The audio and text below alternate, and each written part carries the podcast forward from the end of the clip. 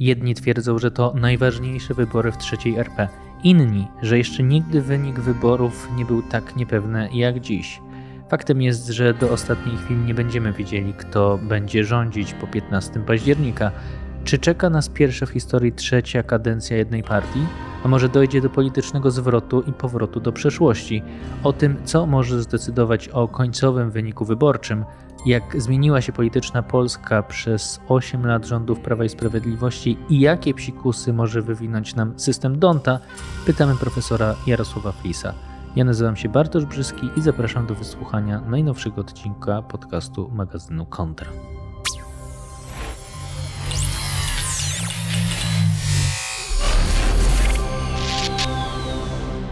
Drodzy słuchacze, mm, witamy Was w nowym e, podcaście, w nowym odcinku podcastu magazynu Kontra. Dzisiaj z nami profesor Jarosław Flisz z Uniwersytet e, Jagielloński, badacz w dużym mierze ordynacji wyborczych i w ogóle wszystkiego, co się z wyborami i systemami e, wyborczymi wiąże. Witam Pana bardzo serdecznie. Dzień dobry. Spotkanie jest wyjątkowe i szczególne z tego względu, że rozmawiamy Dzisiaj pod koniec, koniec sam września, jeszcze jesteśmy przed e, marszem Miliona Serc, e, przed pierwszym października, moment, w którym zaczyna się finisz kampanii prawdopodobnie.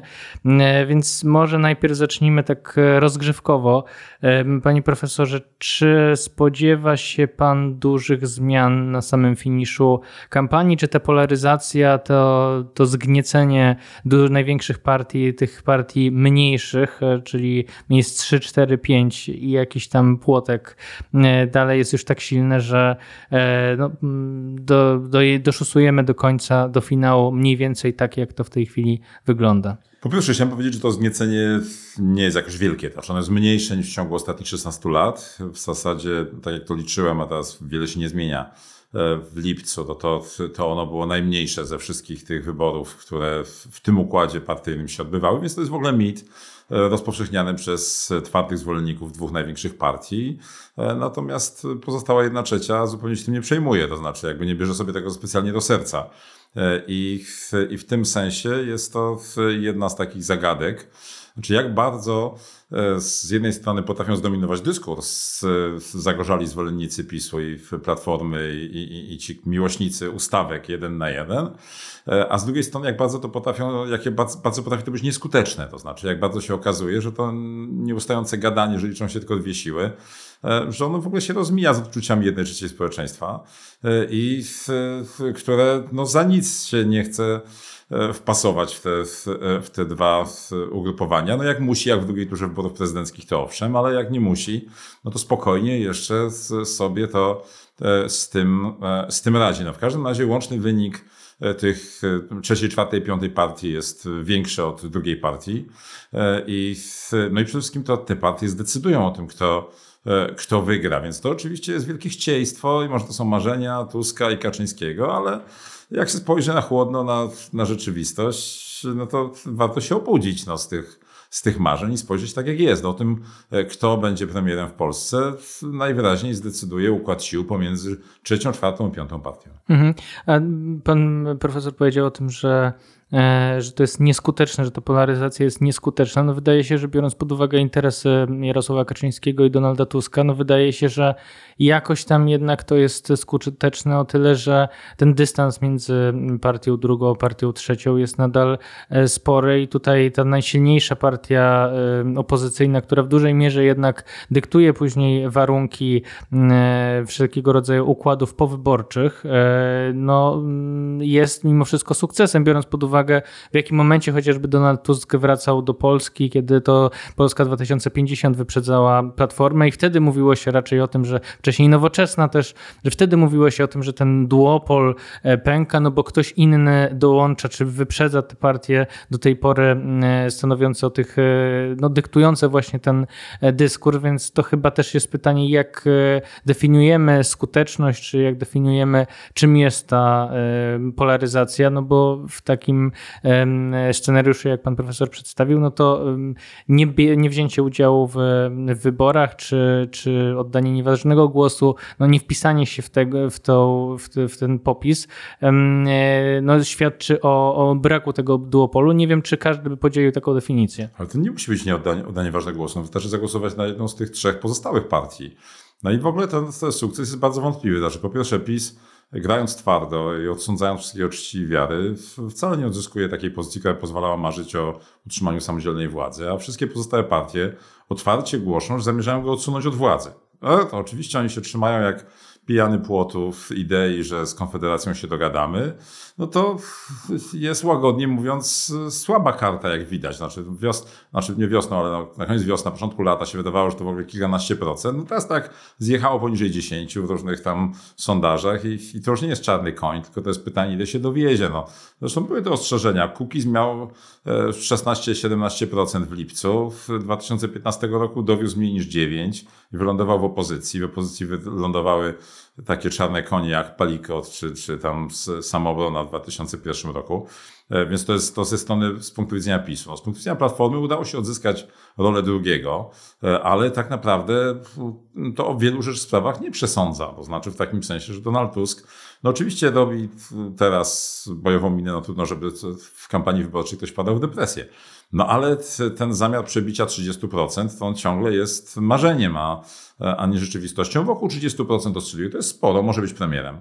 E, to się może zdarzyć. To jest na pewno w tym momencie bardziej prawdopodobne niż to, że Kaczyński, że Morawiecki będzie premierem, patrząc na, e, na te sondaże, no bo myślę, że podstawowym warunkiem Konfederacji, gdyby nawet, e, to jest powołanie kogoś, kogoś innego. Jak się PiSowi nie będzie podobać, no to niech sobie szuka innych koalicjantów. To może być odpowiedź Konfederacji. No to jest tak, że, że te, ta sytuacja, w której PiS i Platforma stawiają warunki, tak jak to było w 2015, 2019, 2011 czy, e, czy 2007, do tego minęło. Nie mają pola manewru w ogóle. Znaczy w 2007 Tusk mógł wybrać, czy PSL, czy LID.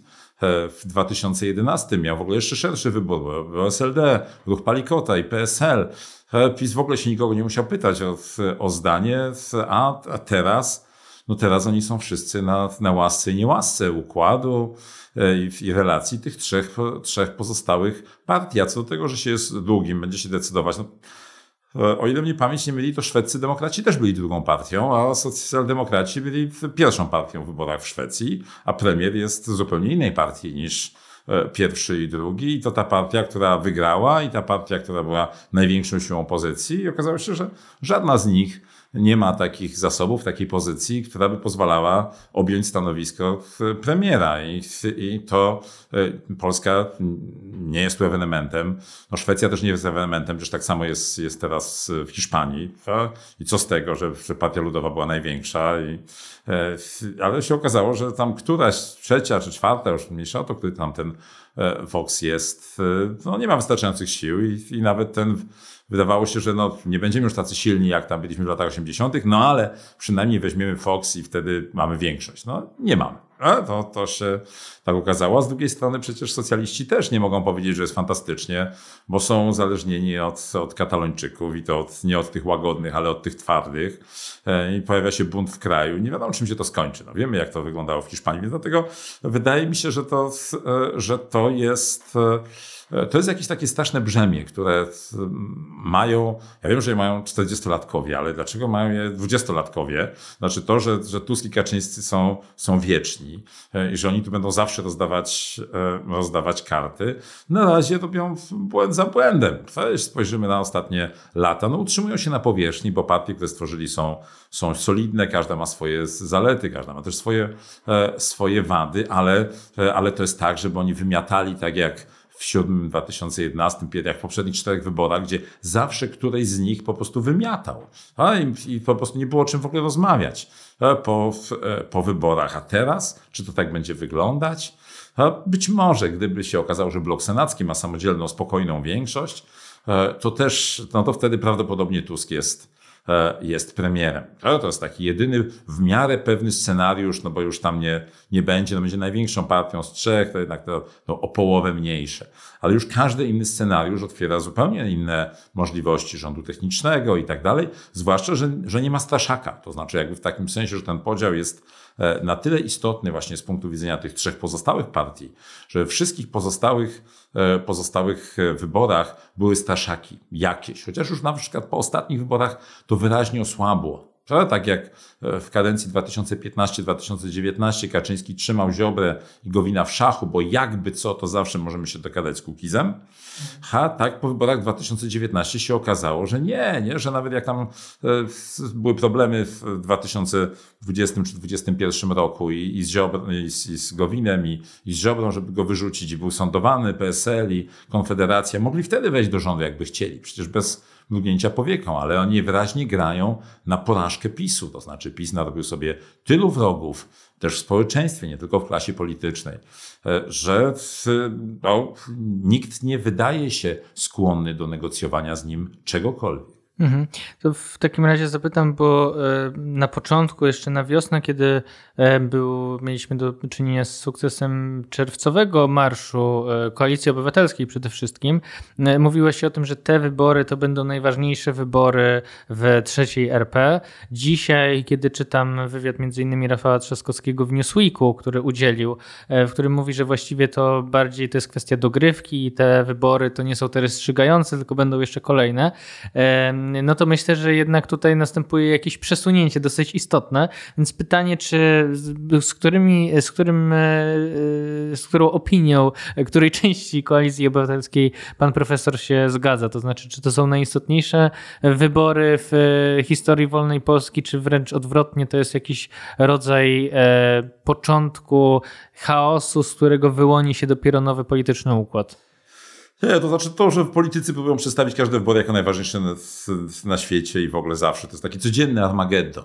Że to już codziennie toczymy tą, tą bitwę. No to, to jest takie spaczenie tą logiką mediów. W ogóle to są przełomy. No to, to e, wszystkie tego rzeczy. Świat się nie zawalnie niezależnie od tego, kto, kto te wybory wygra, czy w jedną, czy e, w drugą stronę. A te opowieści są bardzo proste, e, funkcje, mają prosto, prostą funkcję. Te opowieści o tym, że walczymy ze śmiertelnymi zagrożeniami, ta, jakby na poważnie poważnie, już to mówiłem przed czterema laty, ale sytuacja się nie zmieniła, by na poważnie chcieć e, spojrzeć na e, polską, e, polską politykę, na to, co się w niej mówi, to Polacy mają do wyboru albo upadnie demokracja, albo naród. Nie ma, nie ma trzeciej opcji. Coś musi upaść. Sądząc z tym, co się dzieje, no to jest wszystko doprowadzone do absurdu w sensie retorycznym, ale jak spojrzymy na twarde fakty, to widać, że ta polaryzacja maleje. Na przykład widać to przy okazji ilości kandydatów do Senatu. No, w poprzednich wyborach była naprawdę polaryzacja. Po wyborach europejskich ona oczywiście z wielu rzeczy wynikała.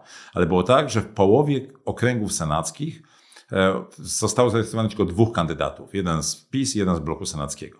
A w drugiej połowie no zawsze się ktoś pojawił. A teraz liczba tych okręgów, w których jest tylko dwóch kandydatów, zmalała do jakichś dwudziestu.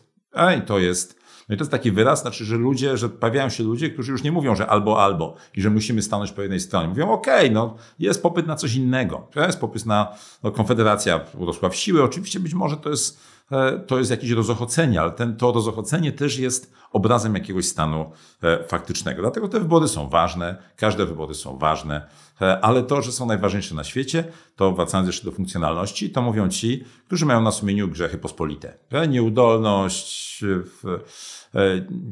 kumoterstwo, korupcję. No bo to jest tak, że jeżeli, jeżeli nasz przeciwnik E, jest, ma na sumieniu grzechy śmiertelne. Jeśli toczymy ostateczny bój e, jasnej strony mocą z ciemnej strony mocą, e, no to, to z ciemną stroną mocy, to rozumiem, że można dostać odpuszczenie za grzechy pospolite. Ale to w, w takiej sytuacji nie ma co zwracać uwagi na tego typu rzeczy. Po prostu wszystkie ręce na pokład. Lepkie też. A i to, są, to jest logika, która się pojawia no, w obozie rządzącym w szczególności, bo, bo no, on przez ostatnie, e, ostatnie lata miał możliwość i korzystał z tego garściami z, z e, publicznych e, pieniędzy, obsadzając tym wszystkimi pociotkami swoje stanowiska na niespotykaną wcześniej e, skalę. Znaczy, nie mówię, że zjawisko było nowe, było zawsze, no ale to, co zwykłem powtarzać, że PiS okazało się, że nie buduje czwartej Rzeczpospolitej, tylko dziewiątą, to znaczy trzecią RP do kwadratu. Wszystko będzie tak jak do tej pory, tylko jeszcze bardziej, tylko tym razem to my będziemy was drażnić i my będziemy korzystać, a nie wy nas. I nie wy się będziecie paść, tylko my się będziemy paść, ale za to bardziej. I to e, jest e, taka nasza zemsta za te lata upokorzeń i, za to wykrwawianie się w kampaniach wyborczych, jak to, e, jak to mówił Jacek Kurski. I to, to nie, że nikt nie będzie cierpiał głodu, tylko będzie teraz żył w luksusie. I to jest E, to e, zachowanie. No więc to, to nie należy, obywatele się nie powinni na to dawać nabrać. No, to znaczy na to, bo politycy zawsze będą przedstawiać to w ten sposób, żeby, że to jest coś ostatecznego, bo wtedy nie można, nie trzeba mówić o, o konkretach, o, o pomysłach w ten sposób. Oczywiście e, tą, ta atmosfera jest podgrzana, jest przegrzana i ten wrestling, jak to zwykle mawiać o polskiej polityce, się trochę wymyka spod kontroli. Wiadomo, że w wrestlingu to wszystko wygląda dużo groźniej niż, E, niż jest naprawdę, ale co pewien czas jednak ktoś ginie. Mhm. A, to znaczy nie udaje się powstrzymać tej, e, tej ręki, co to miało, e, miała tylko wyglądć. Te, na, teatr na wymyka się spod kontroli. Tak, e, cios. Więc teraz też to się dzieje. No to te, te opowieści widziałem dzisiaj rano w, w jakimś materiale wypowiedzi premiera Morawieckiego na, na wiecu, no to e, gdzieś tam na, na wschodzie Polski o Donaldzie Tusku, no to, e, to naprawdę przychodzi ludzkie pojęcie. Też, też wychodzi, to w zasadzie jest śmieszne, no bo jeżeli jeżeli, jeżeli jest Rosy... już nie wiadomo, każdym chyba, niemieckim agentem TUS, to od czego są polskie służby? Dlaczego go nie aresztują? E, dlaczego pozwalają, żeby po prostu polska e, polityka została zdominowana przez obcych agentów? Przecież po coś mamy te służby. A poza tym no to jest dość śmieszne, to znaczy jeśli Tusk i jego towarzysze są takimi zdrajcami, to dlaczego popiera ich połowa Polaków? A dlaczego PiS popiera tylko 30 parę procent? A dlaczego mają taką kolosalną przewagę? E, nad, bo to w polityce jest kolosalna przewaga nad e, przeciwnikami, więc to w ogóle te opowieści się nie trzymają z, jakby jakiegoś, jakiejś logiki. A, no, znaczy te są problemy. Druga strona oczywiście, że przesadza, ale rolą rządzących jest to, żeby tonować nastroje. No to, jest jakiś, to jest najbardziej chorobliwy element tego układu. Ale z drugiej strony, zaczynając, znaczy wracając trochę do początku naszej e, rozmowy, e, mówi pan profesor, że ta polaryzacja słabnie, że e, partie nie wykonują ruchu do centrum, z czym się oczywiście trudno nie zgodzić, ale z drugiej strony, jeżeli cofniemy sobie się do roku 2020 i do kampanii mm, prezydenckiej, no to wydawało się też wtedy, że mm, kandydaci, czyli mm, Andrzej Duda i Rafał Trzaskowski, będą ten, ten, e, to centrum e, próbować zdobywać i że będą polaryzację mm, osłabiać, no bo w kampanii wyborczej e, prezydenckiej jednak potrzeba więcej głosów, aby, aby zwyciężyć, a mimo to ta polaryzacja wtedy wokół spraw mm, jednak tożsamościowych, przede wszystkim wtedy kwestie mniejszości seksualnych i tak dalej, one no, niezwykle mocno polaryzują polaryzowało. Ta temperatura wtedy tamtej kampanii była bardzo mm, wysoka, więc zastanawiam się, czy jednak to nie jest kontynuacja tamtej logiki pod tytułem ci, którzy się w tym nie mieszczą, niech zostaną w domu albo, y, albo oddadzą głos y, może mniej, e, mniej e, ważny, a ci, którzy e, są letni, no to jednak niech się podgrzeją i niech wyjdą i niech zagłosują, że to w dużej mierze od 2020 roku pole, polega głównie na albo rozgrzewaniu tych przekonanych, albo na demobilizacji tych, którzy w tym duopolu się nie mieszczą. Nie, no, wydaje mi się, że ta sytuacja jest zupełnie różna. Po pierwsze są inne reguły, to znaczy tam w drugiej turze było to możliwe.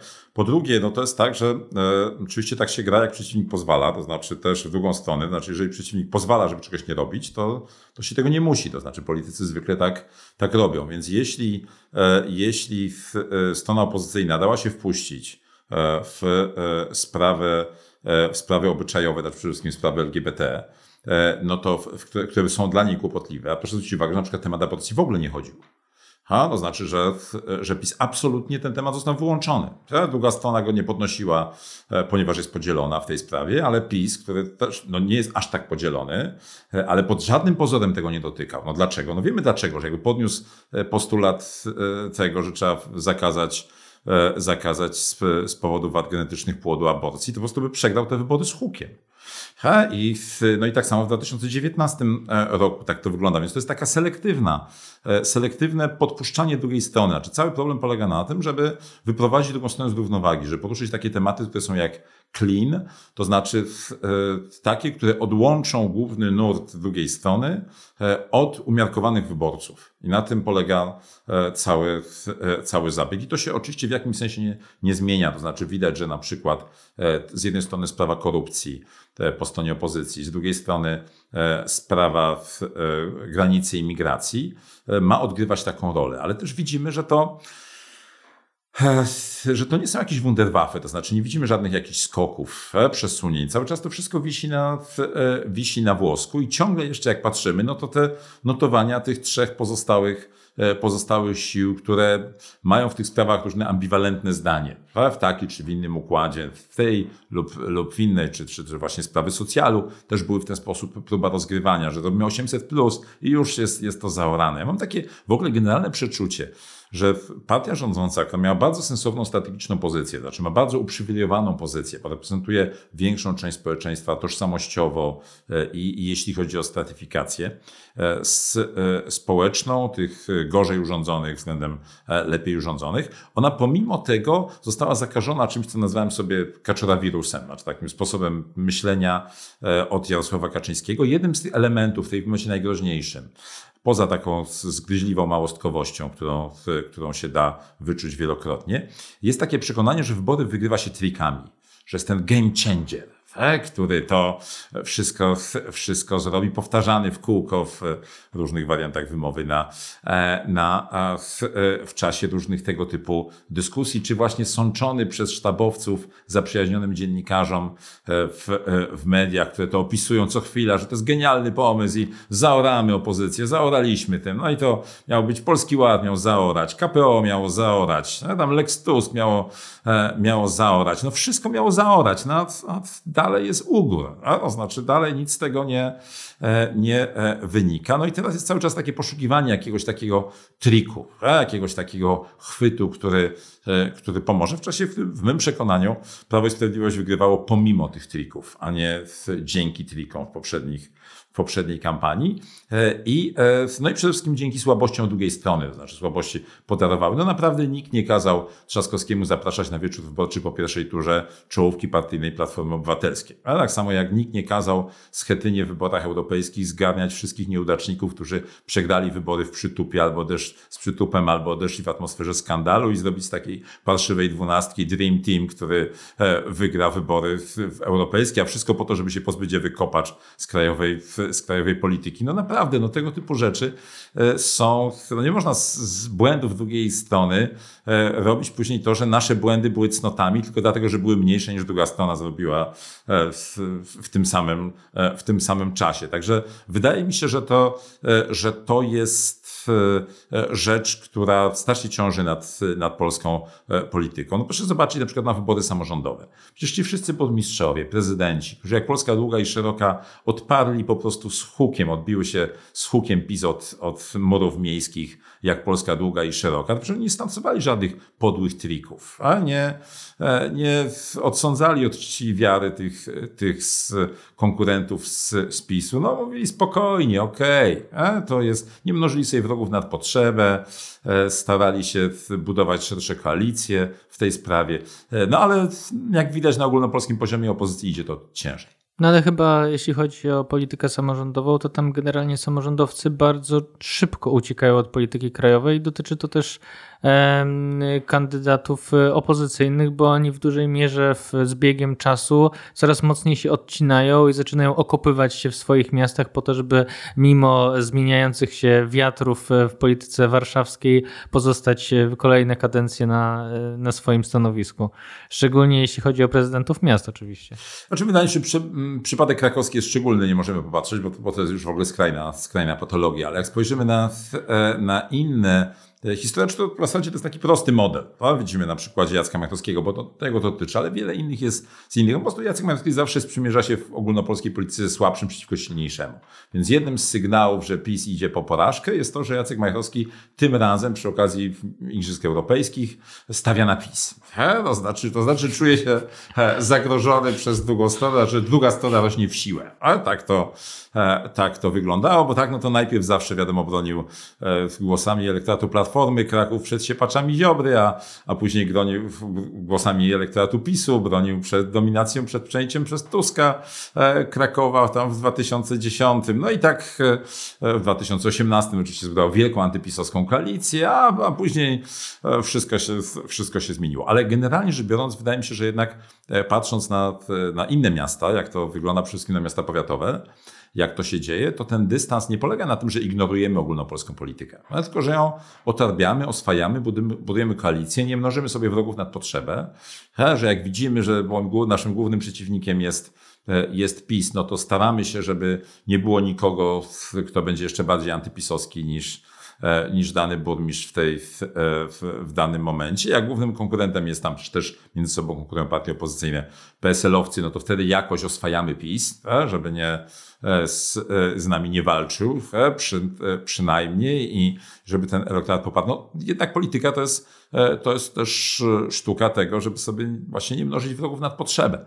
I to wydaje się, że jest jedna z, z słabości i Jarosława Kaczyńskiego szczególnie, ale Donald Tusk zaczął go naśladować. A można zobaczyć, że w 2007 roku, to jest jakby takie charakterystyczne, w 2007 roku obydwie główne partie zrobiły nieomal symetryczne plakaty, które wisiały jak Polska długa i, i szeroka, może pan e, jeszcze nie pamięta. Na wszystkich były pięć osób. Na środku był lider e, i po bokach były w zasadzie symetryczne, była tylko jeden niuans, to pokazuje często, e, często studentom. Zdjęcie Platformy było znacznie lepsze technicznie, E, było to ustawione, wszystko było lepiej. Na zdjęciu, zdjęcie PiSu było w zasadzie komiczne, bo było takim kolażem z różnych zdjęć, każde miało inne oświetlenie, a Jarosław Kaczyński był powiększony, tak żeby był większy od wszystkich pozostałych, e, pozostałych osób, a Donald Tusk stał w równym szeregu, chociaż też przecież nie jest jakiegoś imponującego wzrostu z, e, z pozostałymi politykami i, i, i było widać, że idzie ramię w ramię.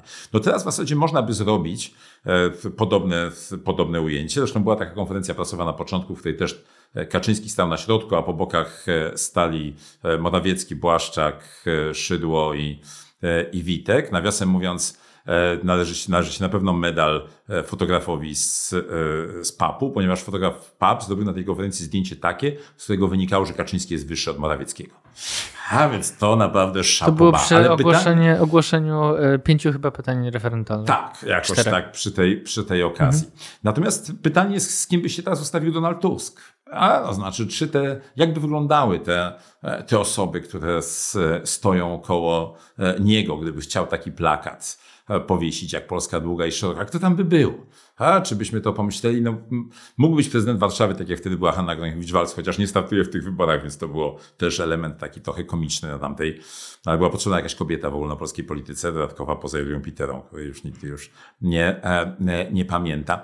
No więc tu jest też taki, e, taki problem, że, że nagle to, co tam, e, tam było, czyli że eksponujemy Jarosława Kaczyńskiego w stosunku do tego jego orszaku, to teraz już eksponujemy Donalda Tuska tak bardzo, że tego orszaku nawet nie ma. Mhm. Że nawet nikogo nikt tam się nie, nie ustawi. Tak? To by tam był no, no. No. To chyba też wynika z e, pewnego, nie wiem, intelektualnego, ale też w ogóle marazmu partii, nie tylko rządzącej, ale też, e, też e, koalicji czy Platformy Obywatelskiej, że po prostu nie ma tam nowych osób, które mogłyby w to miejsce wejść i to jest trochę jednak, no, mówiąc może niezbyt ładnie, ale chyba prawdziwie, że gorsze wypiera lepsze, w tym sensie, że tak jak wcześniej Donald Tusk e, musiał przemocą usuwać konkurentów politycznych, tak jak zaczął, jak powrócił do Polski, to już właściwie ci jego rywale sami mu ustąpili, ponieważ nawet nie musiał ich jakoś specjalnie e, odsuwać, ponieważ no, mają dużo niższą pozycję i chyba też e, mniejszy charakter polityczny. Nie wiem, z czego to wynika. No, z czego to wynika, tego, tego się nie dowiemy, to trzeba być tam wcześniej, ale wiem, jakie są skutki. No, skutki są takie, że Platforma nie walczy teraz o 40%, tylko o 30%. Jak A40 walczyła w 2007, w 2000 11 i, no i to jest jej problem. No ale z drugiej strony ma tą istotną przewagę nad PiSem, że ma zdolność koalicyjną. A, że PiS jednak, jak to Tomasz Poręba jako, jako szef sztabu wyborczego w 2018 roku mówił, że to mecz PiS kontra reszta świata. No więc on się tak bardzo przywiązał tej idei PiS kontra reszta świata, że, że w ogóle nie potrafi. Jest na takim, jak to mówił ktoś e, tu kiedyś w naszym mieście, że jest w nastroju nieprzysiadalnym. Więc PiS jest takim nastroju nieprzysiadalnym i nikt nie zamierza go z tego nastroju wyprowadzać. To znaczy, nikt się tam nie, nie, nie mówi, posuńcie się, przysiądźcie się, no chcielibyśmy coś z wami, e, z wami zrobić. Nie, wszyscy mówią, no jak ognia. To są, mm, Konfederacja na swoich, na swoich plakatach e, wiesz, przynajmniej to widziałem w Wieliczce, wiesza, has, wiesza hasło e, Jarek i Donek na emeryturę. No to, to tak nie, nie jest coś, co, to nie jest jakaś zachęta. No jest rzeczywiście swoją drogą zaskakujące, że w tych wszystkich przekazach takich podskórnych Prawo i Sprawiedliwość wysyła sygnał, że, e, że może się dogadać e, z że jakby co to się dogadamy z Konfederacją. Że Konfederacja jako jedyna partia atakuje absolutnie sztandarowy projekt tożsamościowy PiSu, który przesądza jego pozycji na wsi w, e, w zachodniopomorskim, w Wielkopolsce czy w innych miejscach, czyli transfery socjalne. To, co się z tym zrobi? Czy Konfederacja się. A to przecież to jest, ten atak jest absolutnie fundamentem tego skoku poparcia dla Konfederacji tak, który mhm. nastąpił, że my jesteśmy jedyni, Tusk się licytuje i chce dawać 800 plus i szybciej, a my jesteśmy jedyni, którzy mówią, że to jest rozdawnictwo tak, i że tego nie będziemy, nie będziemy robić. No to, więc to chodzi takimi dziwnymi ścieżkami. Wiemy, że polityka taka, e, taka e, bywa, ale wydaje mi się, że e, trochę tym naszym e, dwóm liderom przez te 16 lat urosło ego, a jak a kiedy komuś rośnie ego, to i mózg uciska jego. Tak, o przysiadalności to Świetlicki faktycznie e, ładnie pisał, ale ja chciałem jeszcze wrócić do drugiego pytania, na które pan profesor nie, e, nie odpowiedział. To znaczy, profesor Antoni Dudek mówił ostatnio w w wywiadzie, że spodziewa się, że w tej jesieni zacznie się ten polityczny chaos, który zakończy się w roku 2025 wyborami prezydenckimi. Więc e, odwołując się i powracając do tego wywiadu Rafała Trzaskowskiego, czy pan profesor też widzi w tych wyborach, w których tak trudno jest o tą koalicyjność, może być rząd mniejszościowy, może być duża opozycyjna koalicja, która sprawi, że ścierając się no, dokona się jakiejś, jakiejś zmiany, której dzisiaj nie jesteśmy w stanie określić. Czy pan profesor wypatruje właśnie takiego politycznego chaosu, czy może raczej no, ostatni schyłek którejś dużej partii, czyli, czyli PiSu lub, e, lub Platformy? Nie, wydaje mi się, że ja bym się nie spodziewał tego tsunami. Znaczy, oczywiście jest to świadomość całego tego pokolenia, do którego z profesorem Dudkiem należymy. To jest, to jest pokolenie, które przeżyło trzy polityczne tsunami. Tak to zwykle mówić, czyli trzy razy E, partia kogoś, kto był premierem w kończącej się kadencji, dostała się do Sejmu. No to jest taka, taka miara, że, że wszystko jest, wszystko się posypało. Na tym tak, tak było i z Olszewskim, tak było z, z Belką, było z Buskiem. E, I teraz wie pan, jak ktoś to przeżył trzy tsunami, to on nie patrzy na morze tak jak wcześniej. To on każde zmarszczenie tam fal, to on widzi jako właśnie uwaga, uwaga, idzie tsunami. Jeszcze te wszystkie media, to wszystkie te codzienne, nie uwierzycie, co się zdarzy. No to jest taki standardowy, właśnie powinien być taki defaultowy tytuł na wszystkich portalach. Nie uwierzycie, co się zdarzyło. No, znaczy trzeba tam kliknąć, żeby się w ogóle dowiedzieć. To oczywiście zwykle jakieś bzdety kompletne, e, jak to e, jest. Więc ja bym się bardziej spodziewał stabilizacji niż zmiany. Taki w sensie takiej zmiany w, w E, no tak jak ja, ja, słyszałem już te opowieści, że klęska, w ogóle klęska Platformy to będzie koniec Platformy. A, że klęska PiSu w 2011 to będzie koniec. Przecież Ziobro w to uwierzył a stworzył jeszcze przed pierwszym posiedzeniem Sejmu Solidarną Polskę, mówił, że, że ta, ta, ta czaszka się już nie uśmiechnie e, i, i, i, i, i tak dalej. No przecież to są, to są te, znaczy to chyba Kurski akurat osobiście powiedział, ale, e, ale to w ogóle, no i co z tego wyszło? E, to jak dzisiaj spojrzymy z perspektywy 12 lat, z tej opowieści, że, że PiS już nie, już jest, już jest zaorany, już koniec, już Platforma będzie 16 lat. No, jak człowiek to żył, to tych opowieści i tych opowieści, że to wszystko jest absolutnie nie do i tych opowieści, że to się wszystko zaraz posypie.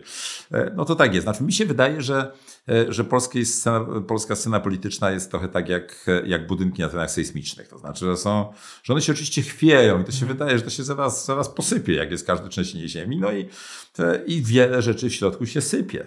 Ale generalna konstrukcja jest całkiem E, całkiem trwała. Natomiast to, co tam w niej się mieści, jaki będzie układ, no to tego nie wiem, być może będzie coś, e, jakieś nowe doświadczenia. To ćwiczyć, bo to też się tak E, tak zdarzyło, ale, e, ale ja przypuszczam, że to jednak się, że teraz są ważniejsze wybory. Znaczy, ja rozumiem, że Trzaskowski e, tak to, tak to przedstawia, no bo to on będzie kandydował w tych wyborach prezydenckich, to, to żeby mówił, że one są mniej ważne i że to jest ożyrandol. Ale to jest chociaż, no wiemy, że wybory prezydenckie w Polsce to już jest kompletny taki wrestling. No to wszystko wygląda jakby ktoś rządził, rządził Polską, a później no, prezydent sobie nawet nie może od swojego wydobyć E, wydobyć głupiej ustawy, no, czy tam pierwszej z brzegu ustawy od swojego, e, od swojego zaplecza politycznego referendum, które miał ogłosił, żeby nie być Adrianem, e, nie, dłużej nie, nie wspominając. No jak, jak spojrzymy to w ten sposób, oczywiście teraz się okazało, że, że PiS jest tak spanikowany, tak bardzo potrzebuje wszelkich zasobów, że dokonał na ostatniej prostej kompletnego, kompletnej demolki E, polskiego dotychczasowego ładu konstytucyjnego, czyli to, że oddał prezydentowi prawo e, weta, znaczy dołożył mu prawo weta w stosunku do e, kandydatów do instytucji europejskich. No, proszę sobie wyobrazić, co by się działo, gdyby Bronisław Komorowski jednak obronił swoje stanowisko, albo, no, powiedzmy taki prosty przykład, w 2015 roku miałby weto w stosunku do kandydatów PiS na stanowiska unijne. To przecież widzieliśmy na przykładzie w sumie dramatycznie mniej ważnego stanowiska, jakim jest Rzecznik Praw Obywatelskich, czy tam w e, Instytut e, e, Pamięci Narodowej, jak wygląda takie uzgadnianie kandydatury. To przecież nie jest tylko polski problem. To jest też wybór niemieckiego prezydenta, też przecież się odbywał w takiej podobnej atmosferze, że, że, że w zasadzie no, nie bardzo o czym dyskutować. No, my byśmy chcieli was załatwić, wy nas. O czym mamy rozmawiać w, w, w takim momencie? Co znajdziemy kogoś, kto załatwi nas i was? No, nikt nie jest zainteresowany takim, e, takim przypadkiem, kto będzie niezależny i od was i od nas. No, nie może być zależny i od nas i od was, he? bo my byśmy chcieli, żeby was drażnił, a wy byście chcieli, żeby nas drażniły. He? No to, e, to rozwiązanie kompromisowe, że będzie drażnił i nas i was jest, jest jeszcze gorsze. E, no i dlatego, dlatego to, jest, to jest pewne niebezpieczeństwo. Mamy taki przypadek, że coś się tam, coś się tam podziało. Aczkolwiek no nie zdziwiłbym się, gdyby, gdyby przy okazji wyborów e, na przykład prezydenckich, tak jak PiS teraz przećwiczył dorzucanie referendum e, w, e, w sprawie, która w ogóle nie jest przedmiotem sporu, no to, to, że ktoś do wyborów prezydenckich dorzuci większość. Prezydent nie może, prezydent Duda nie będzie mógł wetować referendów. To jest tak wygląda sytuacja. Więc jeśli będzie większość sejmowa, to mogą, e, mogą do wyborów prezydenckich dołożyć dowolne referendum w dowolnej sprawie. E, w sprawie aborcji, w sprawie Unii Europejskiej, e, w sprawie, no w każdej sprawie, która będzie kłopotliwa dla PiSu. W sprawie decentralizacji. Co PiS powie, jak powiemy, żeby, żeby się, żeby, że jesteś za zwiększeniem decentralizacji w Polsce?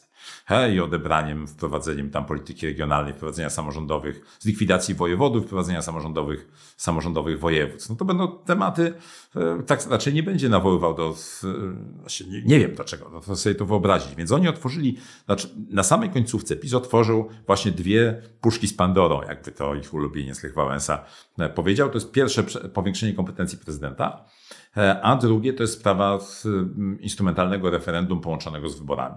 To, to są. No i teraz zobaczymy, co druga strona z tym, z, e, z tym zrobi. Jak to będzie wyglądać? Przecież powiedzmy sobie szczerze, z punktu widzenia PiSu, rozumiem, że ich wyobraźnia nie sięga tak daleko, ale gdyby Trzaskowski wygrał następne wybory, to PiS, wracając nawet do władzy w 2027, czego przecież nie da się wykluczyć, no to w tym mhm. momencie zetknie się z prezydentem, który naprawdę będzie mógł jeszcze więcej niż teraz, tak? który będzie mógł decydować, nie, wojny o stołek pomiędzy e, Kaczyńskim i Tuskiem to będą miłe wspomnienia z, z młodości e, dla niektórych polityków w porównaniu z tym, jak sobie wyobrazimy, co by się działo, gdyby, gdyby ktoś, rząd, nie wiem, Dworczyka negocjował z, z, czy chorały z młodszego pokolenia, z, albo jeszcze lepiej o Janusza Kowalskiego. negocjował z, z prezydentem Trzaskowskim, kto i co będzie mówił na szczycie Unii Europejskiej w imieniu, w imieniu Polski. Wyobraża pan to sobie? No myślę, że to jest taka wizja jeszcze ciekawszych medialnych nagłówku pod tytułem Nie uwierzycie, co się wydarzyło. E, więc może tak to, tak to skomentuję. E, ale w takim razie e, interesuje mnie jeszcze, bo pan profesor w sumie zaczął o tym mówić, że PiS miał takie, takie bezpieczne, uprzywilejowane miejsce, w którym odpowiada na większość jakby i tożsamościowo, i tak ekonomicznie na większą część polskiego społeczeństwa, na większą część potrzeb polskiego społeczeństwa. Zastanawiam się, czy przez ostatnie 8 lat zauważył Pan jakieś zmiany, czy potencjał zmian w takim podziale no, socjopolitycznym, z tego względu, że e, no, wydawało się w 2015 roku, że te 8 lat Platformy to była bardzo duża zmiana społeczna, w sensie jakaś taka świadomość społeczna i faktycznie kiedy PiS wygrywał, e, wtedy to czuło się ten wiatr zmian, to znaczy, że jednak jest jakaś, są jakieś niewypowiedziane potrzeby, które teraz zostaną e, wypowiedziane, natomiast dziś po tych 8 latach no nie czuć aż takiego e, czegoś podobnego, więc zastanawiam się, czy to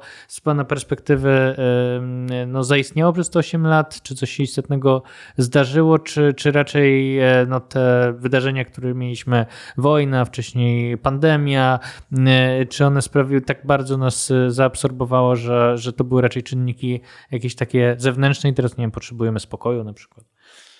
Znaczy na pewno jest tak, że nastąpiła bardzo istotna zmiana w, w takim sensie, że z, y, wzmocniła się i, i zmieniła ta mniej zurbanizowana część Polski.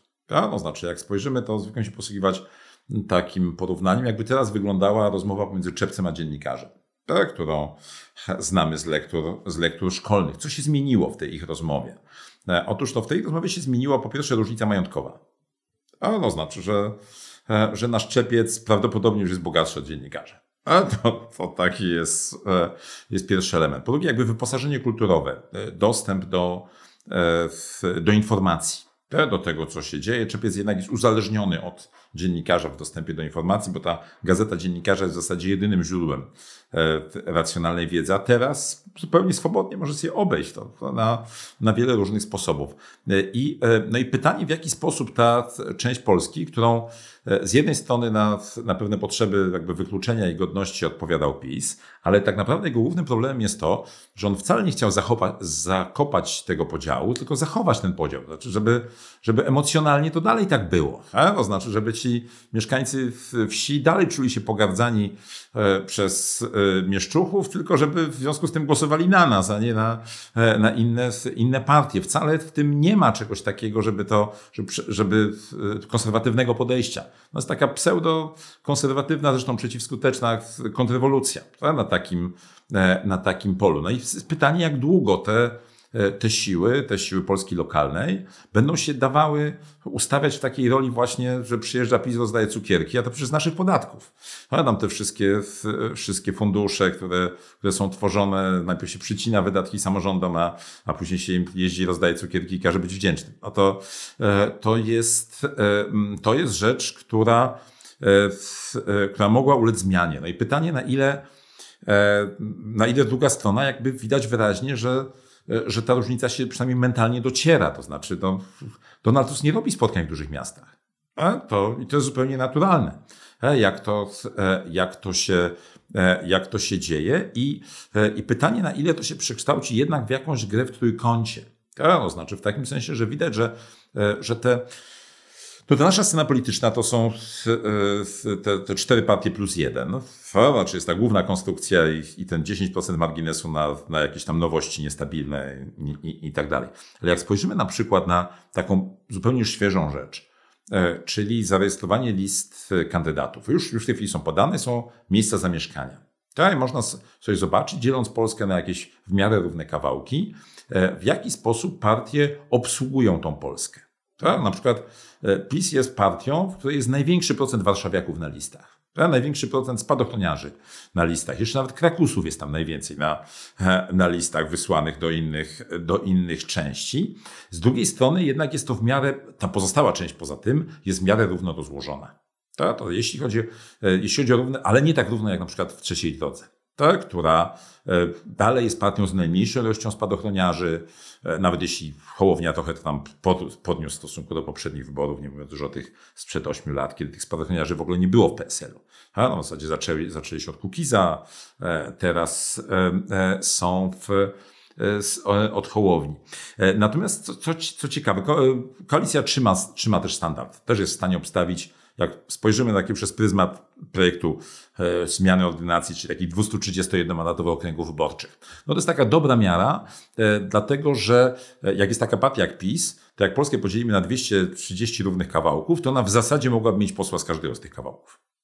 A jeśli opozycja ma drugie, no 225, powiedzmy mandatów, to w zasadzie też mogłaby mieć prawie z każdego e, takiego podokręgu mogłaby mieć jednego posła. I teraz co się okazuje, że są takie partie, które są wyraźnie słabsze. To jest Lewica e, i Konfederacja, które nie, ma, nie są w stanie e, obsadzić wszystkich takich podokręgów, nie mają tam wszędzie ludzi. Teraz są, mają dziury na polskiej scenie. Konfederacja większe, lewica trochę mniejsze. Na przykład Konfederacja nie ma kandydata z końskich, choć przecież wszyscy już w Polsce wiedzą, że w końskich się wygrywa wybory. To prawda. Ha, wypadałoby, wypadałoby mieć. Ta, że to no nie zawsze to jest jakieś szczególnie uprzywilejowane miejsce. No, to dzisiaj sprawdziłem na przykład w Płońsku robiła bardzo udaną konwencję, tak? jak Tusk odpalał tam to wszystko. No i, i, i prawdę powiedziawszy jest tak, że E, że w Płońsku jest owszem kandydatka w Płońsku, ale jest na 18 miejscu. To i tak jest dużą przewagą, znaczy z koalicji obywatelskiej, bo PiS w ogóle nie ma kandydata z całego powiatu płońskiego. Znaczy tak bardzo jest tam najwyraźniej zajęty jakimiś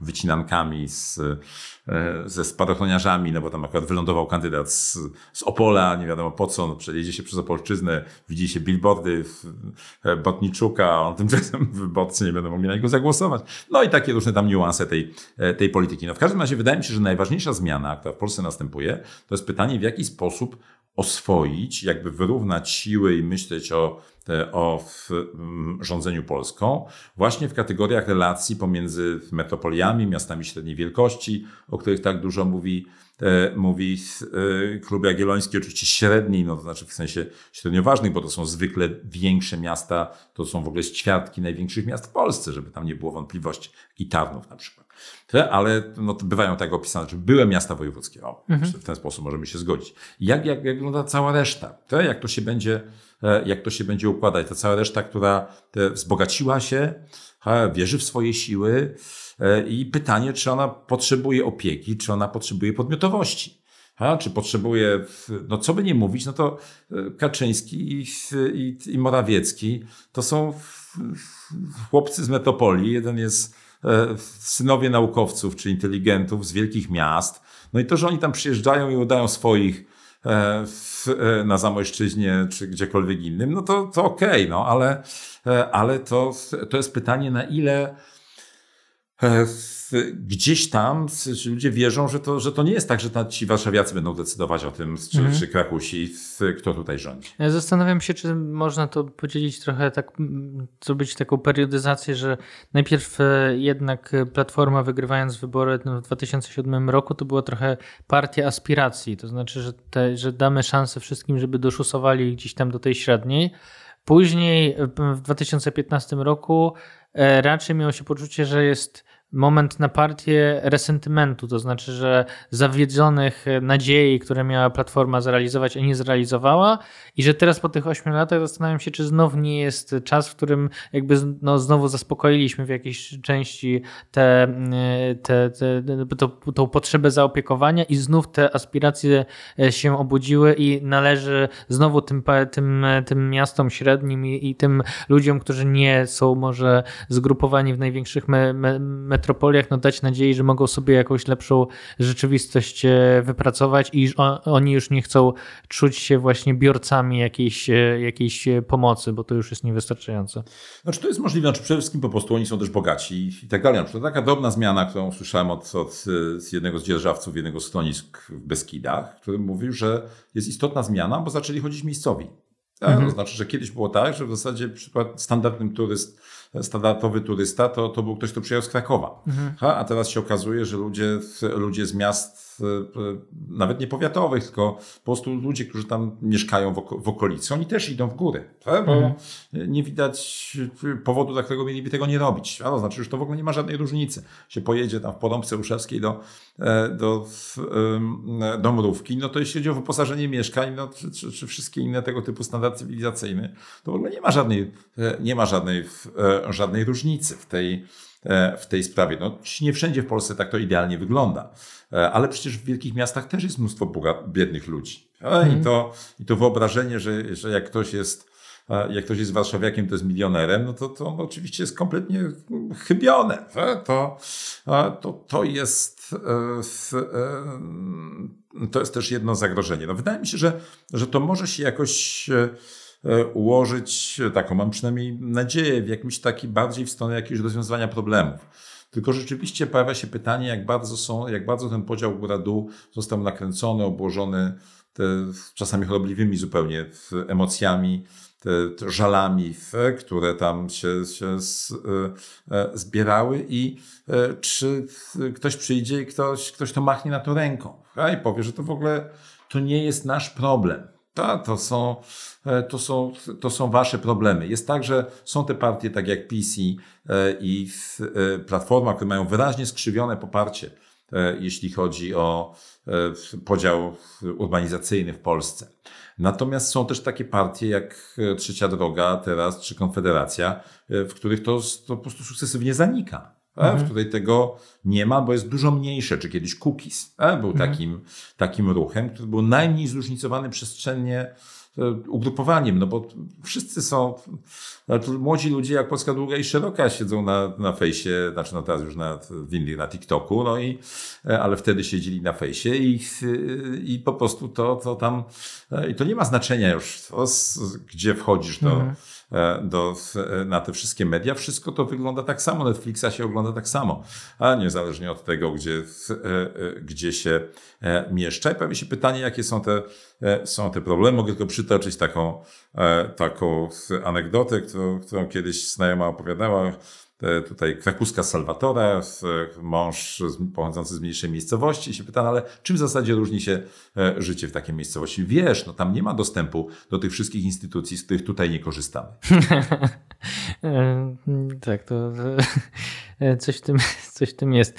E, chciałem jeszcze na koniec zapytać pana profesora w sumie o dwie rzeczy, więc e, proszę o żadnej nie zapomnieć. Jedna rzecz jest taka, że dużo się mówi w przestrzeni medialnej o tym, że w momencie, w którym najmniejsza partia wpada poza, pod próg, w tym wypadku może to być trzecia droga, to największą premię ma z tego tytułu największa partia polityczna, więc chciałbym, żeby pan się do tego nie odniósł, a druga rzecz to jest ten słynny kalkulator Flisa, e, który budzi wśród analityków duże emocje. E, wiele osób z nim polemizuje. To oczywiście chodzi o przeliczanie e, poziomu poparcia na mandaty już do, do parlamentu, więc po pierwsze jedna, kontrower- jedna i druga kontrowersja. E, otóż tak, e, za, zacznijmy od, od tej drugiej, bo, bo ona, jest, e, ona jest ważniejsza. To znaczy, nie, nie, nie w takim sensie personalnym, ale, ale jest rzecz do wyjaśnienia. Otóż tak, jest przeliczać głosy na mandaty, jeżeli mamy sondaż, no bo to jest to tego dotyczy. Możemy na dwa sposoby, albo probabilistycznie, albo wyciągając wnioski z przyszłości. E, I to są takie dwie, dwie metody. Ja upieram się przed tym, że nie warto wyciągać wniosków z przyszłości. E, dlaczego? Bo mój wniosek z przeszłości jest taki, e, że odchylenia z przeszłości, które widzieliśmy w przeszłości, nigdy nie układały się w prosty wzór. A w dodatku jeszcze te odchylenia były zawsze mniejsze niż błąd w sondażach. No, to znaczy, że zawsze było tak, że różnice z średniej sondaży z ostatniego tygodnia przed wyborami były większe niż te odchylenia, które wynikały z tego, że są różnice we frekwencji e, skorelowane z różnicą poparcia. Więc to jest zawsze taki, taka przewaga. Co jest e, przewaga nad skomplikowanymi modelami, a prostymi modelami, tak jak skomplikowaną bronią i, i prostą bronią. No, to, co jest skomplikowane, może być precyzyjniejsze, ale może też się łatwiej popsuć. No, mogą się te błędy dodawać i, i odchylać w różne, w różne strony. No to, co jest prostsze, też może być jakoś spaczone, więc to najlepiej widać na przykładzie takich, takich sondaży z 2019 roku. Otóż te sondaże przeszacowywały wynik Prawa i Sprawiedliwości. Średnia sondaży była 3,5 punktu procentowego większa. Tak? Tymczasem w realnym głosowaniu e, było tak, że głosy na Prawo i Sprawiedliwość były silniejsze, ponieważ e, Prawo i Sprawiedliwość zyskało, e, znaczy, może odwrotnie, Platforma Obywatelska przestała tracić swoją może jeszcze inaczej. E, Platforma Obywatelska wcześniej miała największe poparcie tam, gdzie była najwyższa frekwencja i tam, gdzie była najniższa frekwencja. A PiS miał w 2015 roku największe poparcie tam, gdzie była średnia frekwencja. W związku z czym e, to się jakoś znosiło. To znaczy to, co Platforma traciła przez wysoką frekwencję w jednych miejscach, to zyskiwała przez niską frekwencję w swoich matecznikach na Pomorzu Zachodnim. Ponieważ PiS im odbił te mateczniki, tam, gdzie była niska frekwencja. W związku z czym odbił też im całą nagrodę, którą z tego tytułu e, mieli. Tak naprawdę e, realny wynik ważony liczbą mandatów i frekwencją w danym okręgu PiSu był o jeden punkt procentowy więcej. E, ale wynik sondażowy był 3,5 punktu procentowego wyższy. Teraz tak, gdybyśmy wiedzieli, gdybyśmy się domyślali wcześniej, że okej, okay, PiS rośnie na Pomorzu Zachodnim. E, w związku z czym nie będzie tak jak w 2015, że nie będzie bonusu, tylko będzie bonus za, specjalny za e, wyższe poparcie w niższej frekwencji. To dorzućmy PiSowi jeszcze jeden punkt procentowy, e, żeby nam to wyszło no to wtedy by się okazało, żebyśmy się pomylili o 4,5 punktu procentowego w stosunku do e, realnych wyników. A tak, no to jak tego nie uwzględniliśmy, akurat błędy się odjęły. To znaczy fakt, żeśmy nie, że ktoś by nie uwzględniał tej poprawki, daje jeden błąd, 1% gorzej, ale ponieważ błąd był, sondaży był 3,5%, więc wyszło 2,5%. E, no i to jest oczywiście ryzyko, raz wyjdzie tak, raz wyjdzie, raz wyjdzie inaczej, więc ja e, nie e, odsądzam oczywiście wiary wszystkich tych, którzy próbują to spasować. Ja się pytałem matematyków, jak to można zrobić, że mamy sondaże i, i rozdzielamy to pomiędzy, pomiędzy okręgi i jak to wygląda za rachunku prawdopodobieństwa, jak, jak się powinno wpasowywać. No i dowiedziałem się od matematyków, że, że to jest problem, który jest, jest nieskończenie trudny matematycznie. Znaczy, możemy go też próbować przybliżać, ale, ale w zasadzie e, to powinien być taki rozkład, no, paranormalny. No, no, znaczy w takim sensie, że, że jak normalny, tylko że na skali 0,1, znaczy rozkład Dirichleta, no to nie będę się tutaj posługiwał taką terminologią. On powinien dotyczyć e, zarówno frekwencji, jak i e, wszystkich wyników mhm. każdej z partii z osobna. No i to jest, to jest bardzo trudno wyliczyć, żeby mhm. to tak się że tak się dało. Można próbować. Być może ktoś jest zdolniejszy niż, niż nasi matematycy. To jest, jak rozumiem, pewna doza zawsze niepewności i tak jak się mówi o tym, że czasem pogoda może zdecydować, w, którym, w której części kraju frekwencja jest wyższa, niższa na ostatnią chwilę. No nie da się wszystkiego zaprogramować, więc możemy mówić tylko o jakiejś dozy mm, przybliżenia. Tak, natomiast druga rzecz to jest to pytanie o, o, o to, kto będzie miał zyski. No otóż te zyski z tego, że ktoś spada pod wyborczy, E, są dzielone dokładnie tak jak zyski z Donta, to znaczy w zależności od wielkości partii. To znaczy większa partia oczywiście dostanie e, więcej z tego tytułu niż mniejsza partia. No, bo to tak to wygląda. Większa, to... na zasadzie wysokości poparcia. Tak, tak, w tym sensie. Tak, to ma większe poparcie. Więc oczywiście e, te podziały będą. Aczkolwiek no, jeśli zostaną dwie partie, które na spółkę będą wyraźnie większe od tej większej, to może się okazać, że z tego, że czwarta partia spadnie pod próg, to te dwie partie dostaną mhm. E, w sumie większy bonus. Indywidualnie zawsze największa partia dostanie większy bonus. Ale to nie jest powiedziane, że ona dostanie większy bonus niż wszystkie pozostałe razem wzięte. To jest z tego, z tego tytułu, bo ten układ może być trochę bardziej, e, bardziej skomplikowany. Natomiast no, to jest tak, że, że te wszystkie elementy spychania pod próg i, i różnych innych rzeczy, to są też częściowo te elementy takie napędzane przez gorących zwolenników obydwu stron, którzy by bardzo chcieli, e, żeby te małe partie zniknęły, spadły pod próg i, e, i, i tak dalej, no bo wtedy jest ustawka jeden na jeden i, i zawsze my liczymy, że, że będziemy więksi. No tyle tylko, że wyborcy niekoniecznie to, to polecają. No, to wiemy z, z różnych analiz, nawet jak się spojrzy na przeszłość Polski, to zwykle jednak tych pięć partii było pod progiem. W 2000, w nad 2000, progiem czy nad progiem, tak, tak, oczywiście. E, w 2015 roku te dwie partie wylądowały pod progiem nieszczęśliwie, ale też warto pamiętać, że nad progiem zostało 5. I tak naprawdę mhm. partii powyżej 3% w takich w ostatecznym, e, w ostatecznym głosowaniu było 8, a wliczając w to, e, w to partie razem. To jest, to jest coś i wtedy jest tak, no, taka jest, no, to jest taka entropia polityczna, taki nieład, a, że jak jest jak się obniża głowa, znaczy jak słabnie największa partia, to się wydłuża ogon. To znaczy, że, to, że te notowania ulegają spłaszczeniu, ale to się mniej więcej odbywa też w ten sposób, że po prostu trzecia, czwarta, piąta, szósta partia też idą trochę w górę w takiej, w takiej sytuacji, ponieważ nic nie wskazuje, e, żeby któraś z partii e, przekroczyła 40% w tym momencie, to w zasadzie takie zbliżenie się do 40% jest ich, jest ich marzeniem. No stąd możemy wnosić, że takich partii, które e, będą mieć powyżej 8%, e, to, e, to wtedy tyle może być. Może się zdarzyć tak jak, jak w 2015 roku, że tych partii powyżej 7% no to, to było 5, ale, ale powyżej 8% to już były tylko 3, to się też, to, to, też to nie jest nic pewnego, ale wydaje się, patrząc na, na to, co, co w tym momencie się, e, się dzieje, patrząc na średnią sondaży, że do tego jest stosunkowo e, daleko, a dynamika zwykle była taka, że, e, że to partia rządząca i największa partia opozycyjna wcale nie zyskiwały w trakcie kampanii, tak to tak na ostatniej, na ostatniej prostej. Dobrze, to ostatnia rzecz. Jaki będzie rząd po wyborach? E, no, gdy zbliżają się wybory, każdy szuka werny chory. To przed czterema laty sobie ułożyłem takie, e, takie przysłowie. No więc to, jeśli chodzi o dar e, prowokowania, to, to nie czuję się obdarzony, co najwyżej darem prowokowania, ale to, to nie jest to samo. Na pytanie, kto wygra wybory, zwykle opowiadać przegra głupszy. Dobrze, to w takim razie tu postawmy kropkę. Dziękuję bardzo Państwa i moim gościem był profesor Jarosław Fis. Dziękuję. Dziękuję pięknie.